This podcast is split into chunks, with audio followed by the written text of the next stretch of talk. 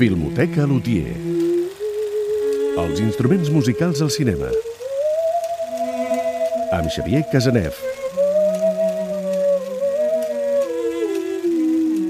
Xavier Casanef, bon dia, bona hora. Bon dia, tinguis. El violinista de Catalunya Música, de tant en tant passa pel taller del luthier, de tant en tant, no com cada setmana. El violinista vermell. Vermell, això sí, mateix, vermell. roig, roig. O groc, agafa el color que vulguis. Molt bé. Escolta'm, ja fa dies que vull dir a l'audiència Sí. que mm, tot això que anem comentant a la Filmoteca Lutier té un, una extensió a YouTube a través d'una llista de reproducció de vídeos relacionats amb eh, aquestes pel·lícules i aquestes, eh, aquests usos, aquesta Però- però- presència però tu- dels instruments al cinema. Doncs hi ha un canal, si poseu a YouTube Filmoteca Lutier, trobareu vídeos relacionats amb aquesta secció del Xavier. Però tu d'on treus el temps? Perquè tu, igual No. que jo, no tens productor o productora, no? Tu, No, tu com eh. jo, vas a pelat aquí. Vull dir, tu, tu i jo, tu, jo Però anem tu ja, de saps, pobres. tu ja saps, ens Però coneixem. tu d'on treus el ens temps? coneixem de fa anys, tu ja saps que a mi aquestes coses És m'agraden. el tio més ben organitzat que Ves, conec home, en la ves. meva vida. Va, escolta'm, tornem a la llista de Schindler. Sí, Com és tornem-hi. això? Sí, perquè en vam, ens hi vam referir quan vam parlar del violí relacionat amb el judaïsme i tot plegat, però avui em vull centrar en una, en una seqüència concreta de la pel·lícula eh, pel protagonisme que té un determinat instrument. Em sembla que a aquestes alçades no cal mm, fer explicar-nos què és la llista de Schindler, que és la pel·lícula de l'Spielberg de l'any 93, qui és Schindler, un, un, un empresari que en un principi era un oportunista i faldiller que volia aprofitar-se de la mà d'obra en règim d'esclavitud dels jueus per tenir treballadors sense pagar-los per les seves fàbriques i fer-se ric, i com fa tot un procés, diguem-ne, de redempció que acaba salvant a un miler de jueus, si no recordo malament, dels camps d'extermini. Vale, ja està dit. No ho havíem de dir, però ho he dit així amb una Mhm. sola frase. El tema principal, crec que gairebé tots el recordem. De totes maneres, sentim-ne res, eh, la tonada principal.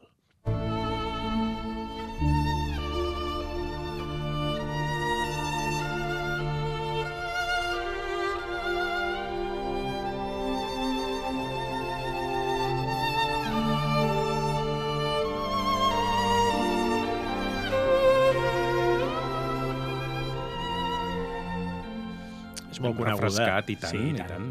Uh, aquest, aquest tema, de fet, a la pel·lícula se sent molt poc. Uh -huh. Se sent en comptades ocasions i d'una manera molt gradualment exposada. El primer cop que se sent és per identificar-nos aquesta música amb el dolor del poble jueu quan és expulsat fin, uh, al gueto de Cracòvia. Llavors es vincula la música amb poble jueu i el seu dolor. La segona vegada ja és en un moment que el vinculem amb l'Oscar Schindler.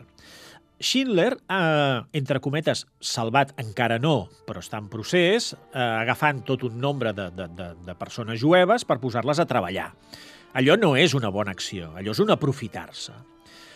Hi ha una seqüència en la que el seu ajudant, que fa el- el- l'actor el Ben Kingsley, eh, que també és jueu, eh, fa de, advoca per una parella de jueus que estan a punt de posar-los, que ja estan de fet en uns trens, per enviar-los a un camp d'extermini. Eh, aquest, aquest senyor convenç a Schindler que a última hora els reclami per portar-los a les fàbriques. En aquell moment, Schindler parla amb un dels oficials nazis i li diu que vol el senyor i la senyora tal. Clar, és la primera vegada que Schindler fa una cosa pels altres d'una forma gratuïta i que té consciència que està fent, diguem-ho així, una bona acció, que els està traient de probablement, com a mínim, d'un infern, si no d'una cosa pitjor. Sentim com sona aquesta música perquè, bueno, no ho diguem, sentim-ho. Va. Perlman. Perlman! Marido y mujer. Jakob y Hanna Perlman!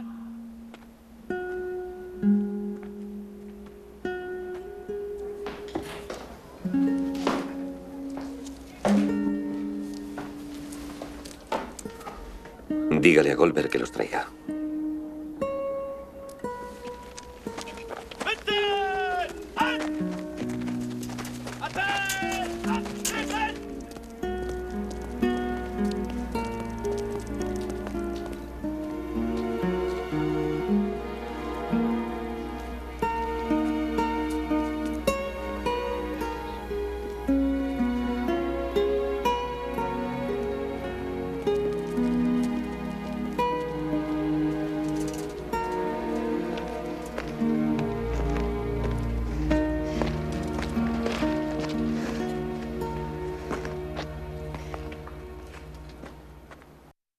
Caram, una guitarra. És una guitarra i, a més a més, fixa't que és un puntejat. Uh -huh. És simplement el fet de com representar una bona acció individualitzada, humil, d'una persona.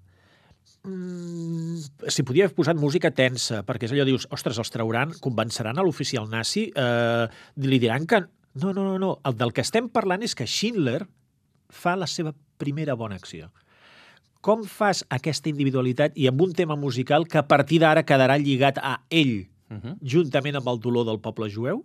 Doncs agafes la, el tema, però l'individualitzes fins a aquesta petita bona acció de Schindler, i és les cordes de la guitarra.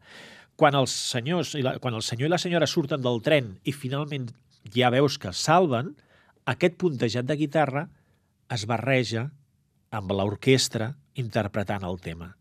Schindler s'incorpora ja musicalment amb el tema de la causa doncs, del dolor de jueu i, per tant, de la seva participació.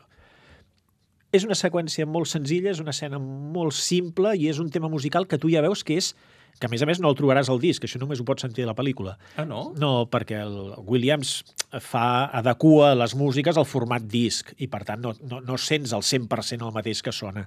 I aquest puntejat de guitarra és una d'aquelles perles que veient la pel·lícula de sobte te n'adones del que és i a sobre fa créixer l'escena d'una forma brutal. Doncs la llista de Schindler, que no ens l'acabaríem, és una música oh, fantàstica i avui hem descobert la guitarra que s'amaga entremig de les diverses músiques fantàstiques que conté aquesta gran banda sonora de John Williams. Gràcies, Xavier. Gràcies a tu. Fins la setmana que ve. La setmana que ve.